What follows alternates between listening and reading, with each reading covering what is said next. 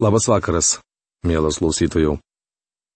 Šiandien mes tęsime kelionę Biblijos puslapiais. Jūs žinote, jog praėjusioje laidoje sugrįžome į Senąjį testamentą ir pradėjome Ezekėlių knygos apžvalgą. Praėjusioje laidoje mes su jumis apžvelgėme pratarmę, pasižiūrėjome knygos planą ir padarėme įžangą į pirmą skyrių. Šiandien pradedame jį nagrinėti. Primenu, kad Skiriaus tema yra viešpaties šlovės apsireiškimas. Dangiškasis tėve, mes dėkojame tau šį vakarą, už galimybę atsiversti šventąją knygą ir prisiliesti prie tavo išminties lobyno. Ačiū tau, kad viešpatė tavo išrinktosios tautos istorija yra apreikšta šioje knygoje ir šį vakarą norime geriau suprasti tai, ką tu kalbėjai to meto žmonėms. Vėl prašome, kad tavo dvasia įvestų mus į visą tiesą. Ir mes, supratę tuos regėjimus, galėtume tinkamai pritaikyti šį žodį savo šiandien. To melžiame viešpatės ir gelbėtojo Jėzaus Kristaus vardu. Amen. 30 metų, ketvirto mėnesio penktąją dieną, man esant tarp tremtinių prie Kebarų upės, atsivėrė dangus ir aš mačiau regėjimus iš Dievo. Ezekėlio knygos pirmos kiriaus pirmą eilutę. Atrodytų, kad žodžiais 30 metų norima pasakyti, kad Ezekėliui tuo met buvo 30 metų. Tačiau daugelis tyrinėtojų mano, kad pranašas skaičiavo laiką kiek kitaip negu mes. Neaiškinsiu detaliau, nes tai gana sudėtinga ir netaip jau svarbu. Mačiau regėjimus iš Dievo. Kai kiti tremtiniai, kaip prašoma 137 psalmės pirmoje eilutėje, sėdėjo prie Babilono upių ir raudojo, Ezekielis matė regėjimus iš Dievo. Koks kontrastas? Regėjimai ir ašarus penktą dieną, tai buvo penkti karaliaus Jehojachino tremties metai, Ezekėlio knygos pirmos kiriaus antra eilutė. Kai Ezekėlis matė šiuos regėjimus, Jeruzalė dar nebuvo sunaikinta. Kaip žinote, ji buvo sugriauta karaliaus Zedekijo valdymo dienomis. Viešpatie žodis pasiekė Būzio sūnų kuniga Ezekėlį prie Kebarų upės Chaldėjų krašte ten pasiekė jį viešpaties ranka. Ezekėlio knygos pirmos kiriaus trečia eilutė. Viešpaties žodis pasiekė kuniga Ezekėlį. Ezekėlis priklausė Levio giminiai, kunigų kelčiai ir tikriausiai buvo vienas iš Kehato palikuonių. Mums sakoma, kad jis buvo Būzio sūnus. Kebaras buvo pagrindinis drekinamasis kanalas iškastas nuo Eufrato upės. Tikriausiai toje vietoje žydų belaisviai turėjo dirbti žemę. Šią vietovę nuo Babilono skyrė keletas kilometrų, gal dėl to Danielius ir nebuvo susitikęs su Ezechieliu drauge papietauti. Na gal Danielius ir buvo nuvykęs prie Kebaro upės, tačiau nemanau, kad kas nors Ezechieliui būtų leidęs aplankyti Danielių. Pakėliau akis ir štai iš šiaurės, pašvaistės apsuptas su žaibuojančia ugnimi artėjo viesulas, didžiulis debesis, kurio viduryje ugnies šerdyje spindėjo lygintaras. Ezechielio knygos pirmos kiriaus ketvirta eilutė. Štai iš šiaurės artėjo viesulas. Kai kurie žmonės labai sureikšmina tai, kad šiaurinėje dangaus skliauto dalyje yra didelė tuščia erdvė. Jie sako, jog tai tunelis vedantis pas Dievą. Tačiau naudojant šio laikinius radio elektroninius teleskopus su milžiniškomis lėkštėmis buvo nustatyta, kad tenai esama žvaigždžių. Tai reiškia, kad erdvė šiaurėje nėra tuščia. Šventajame rašte šiaurėje nurodo į Dievo sostą. Izaijo knygos 14 skyriaus 13 eilutėje, kur kalbama apie šetono nuopolį, skaitome. Kadaise maniai savo širdyje, užlipsiu į dangų viršum Dievo žvaigždžių, iškelsiu savo sostą. Atsisėsiu ant kalno, kur renkasi dievai, pačiuose šiaurės pakraščiuose. Manau, užuot žvelgia į šiaurės ašigalį, turėtume kelti akis į Dievo sostą. Izaijas nekalba apie kažkokią konkrečią kryptį. Dievo sostas yra mums nesuvokiamoje vietoje. Evangelijos pagal Luką 21 skyriaus 28 eilutėje mums sakoma. Pakelkite galvas, nes jūsų išvadavimas arti. Štai kur šiandien turi būti nukreiptas mūsų dėmesys. 75 psalmis ištraukoje nuo penktos iki septintos eilutės skaitome. Nekelkite savo ragų į aukštybės, nekalbėkite įžuliai prieš Dievą. Išaukštinimas neteina nei iš rytų, nei iš vakarų, nei iš pietų. Dievas yra teisėjas. Vienais pažemina, o kita išaukština. Tai kosto burbulio vertimas. Atkreipkite dėmesį, kad čia nepaminėta tik šiaurė. Manau, taip yra dėl to, kad ji simbolizuoja aukštybės.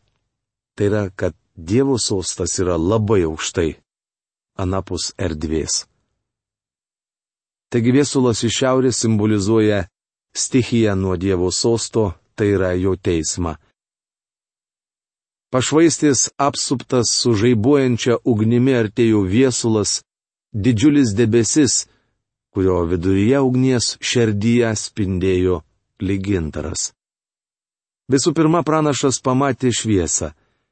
Ji buvo atskleidžianti, bet kartu ir paslepianti, blanki, bet sikiu akinanti. Kas ją mato, tam jis skaistesnė už saulę.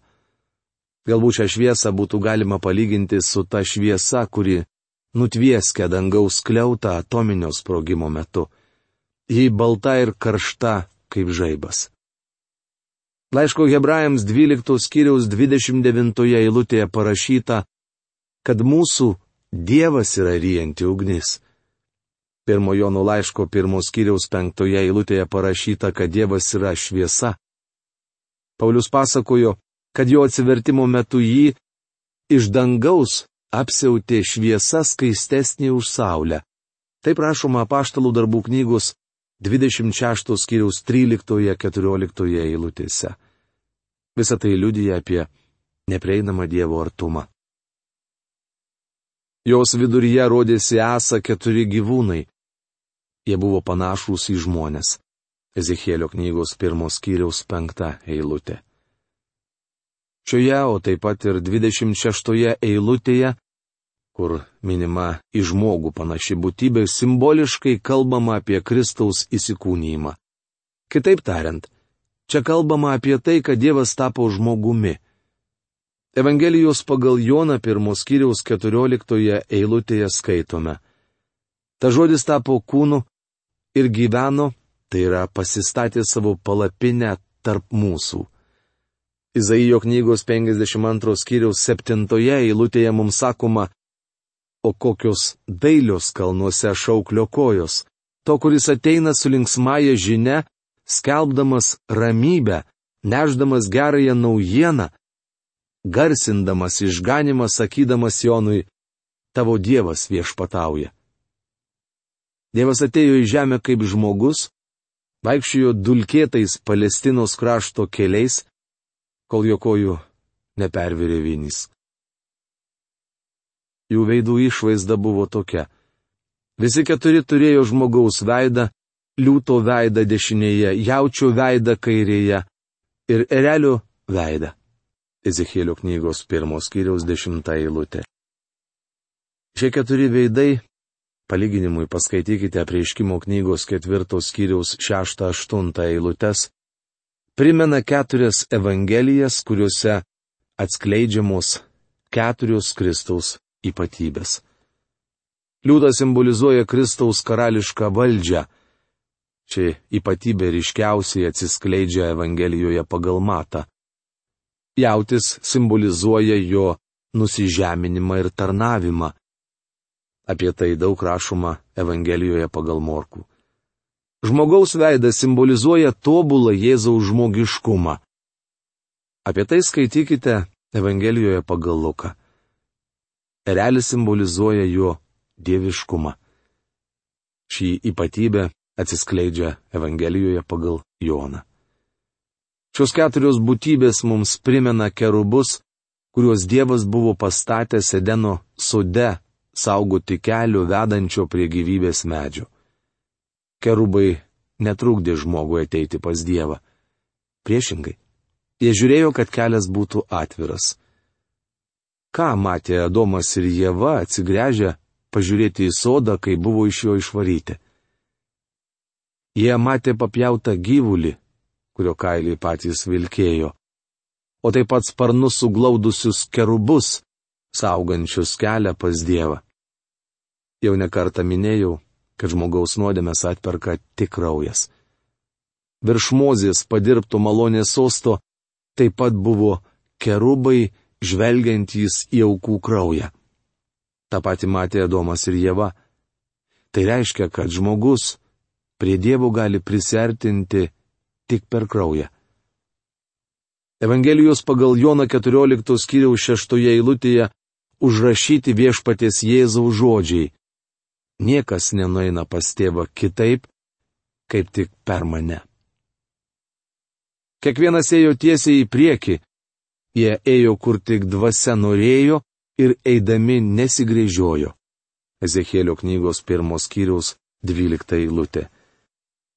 Dievas nedvėjodamas ir nesiblaškydamas šiame pasaulyje siekia įgyvendinti savo tikslus.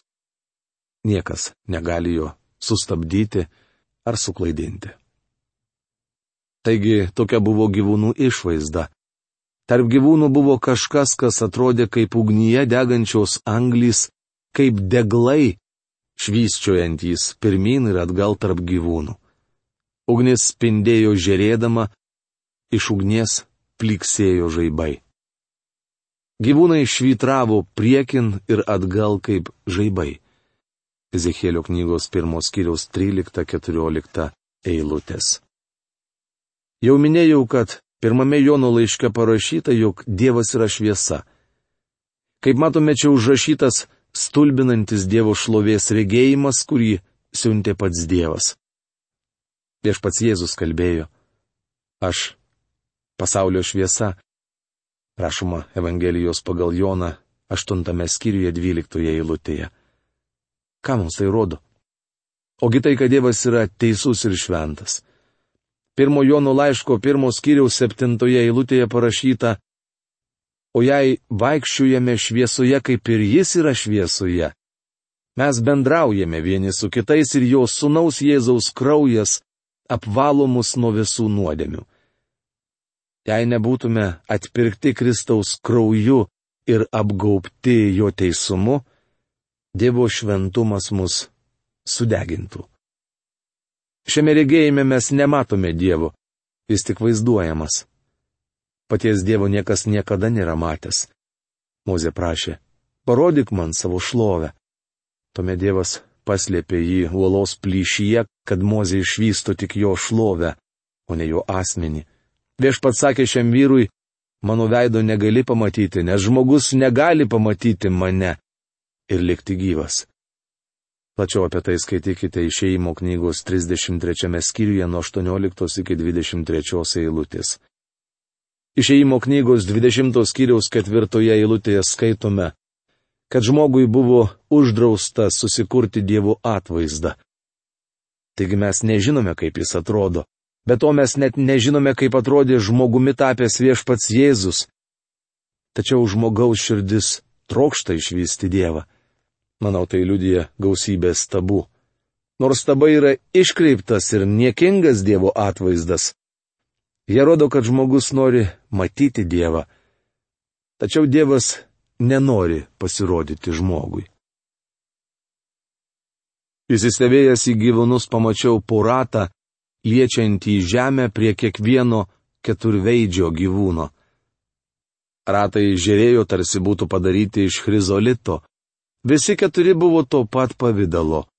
Iš išvaizdos ir sąrangos atrodė tartum ratas būtų buvęs rato viduje. Ezekėlio knygos pirmos kiliaus 15-16 eilutės. Noriu dar sėki pabrėžti, kad ši pranašystė ne apie dabartinį mechanikos amžių ir net ne apie rato išradimą. Esu tikras, kad iš pradžių žmogus nukirto medį, atsiskėlė dalį kamieno ir padirbo karutį. Vėliau pritaisė prie jo antrą ratą ir išėjo vežimas. Dar du ratai ir štai jums automobilis.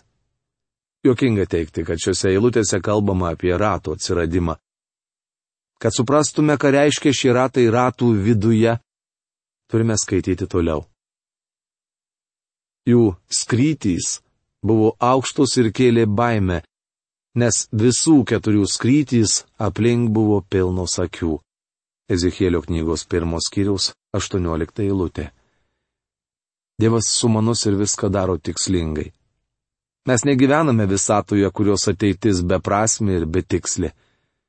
Dievas tikslingai sukūrė kiekvieną atomą. Beje, jo plane ir programoje yra vietos ir jums. Vien tai, kad šiandien esame gyvi, rodo, jog Dievas turi mums tikslą. Jis sumaniai vykdo savo planą.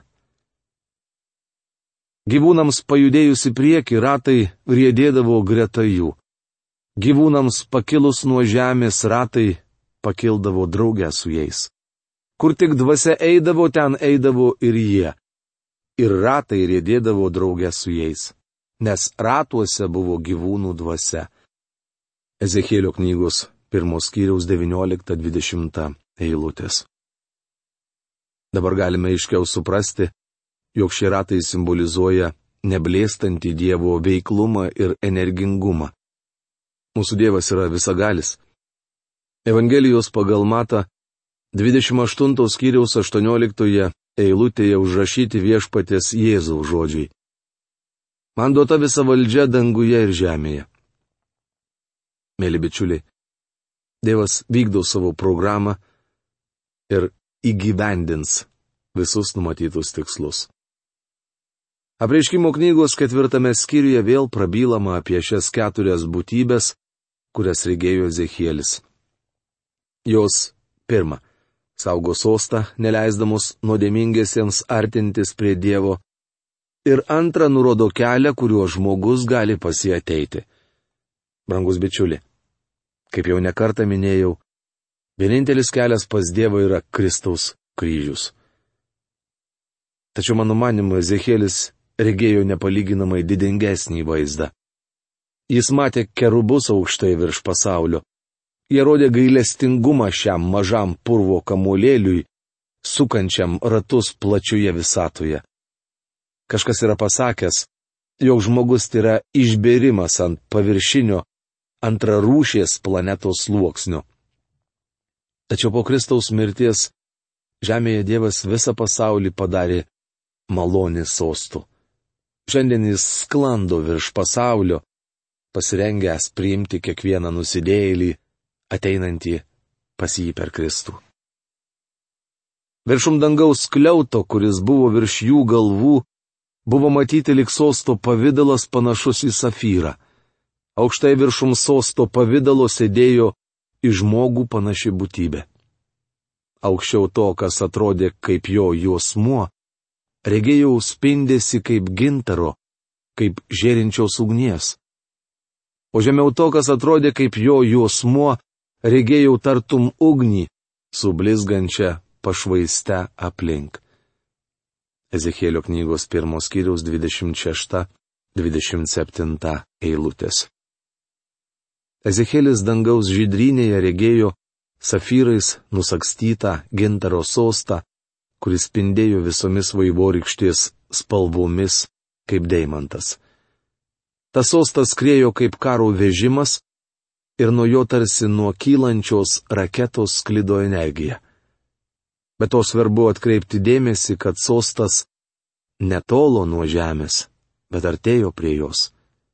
Šiame regėjime kalbama apie kerubus virš pasaulio, taip pat kryžių, avinėlį ir kraują, bei gailestingumo sostą.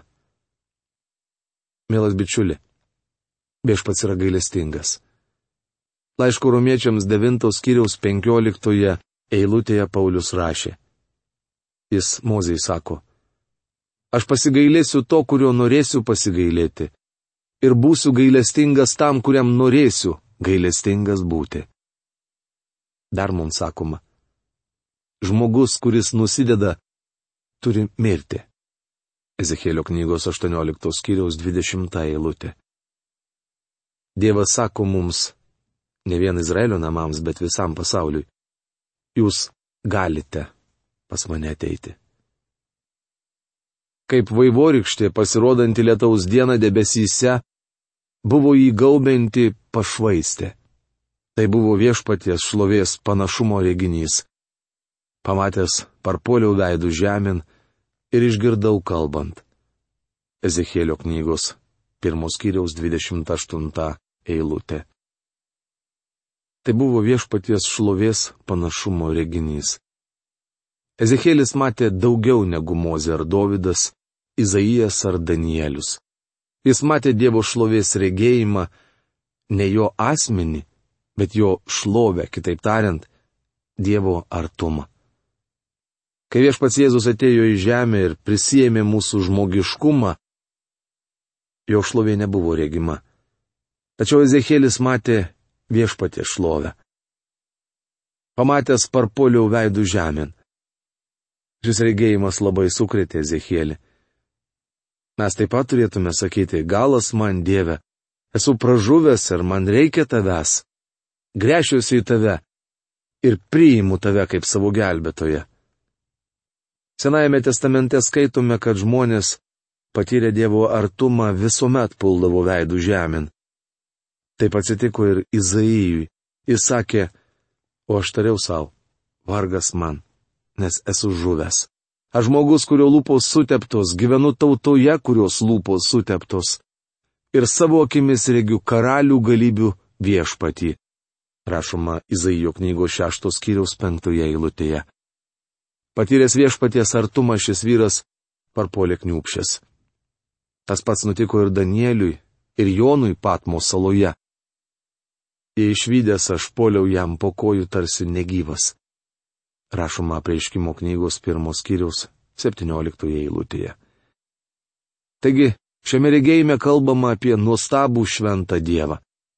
Turiu pasakyti, jog šiandien aš regiu jį tik akies krašteliu ir esu dėkingas, kad jis paslėpė mane uolos plyšyje.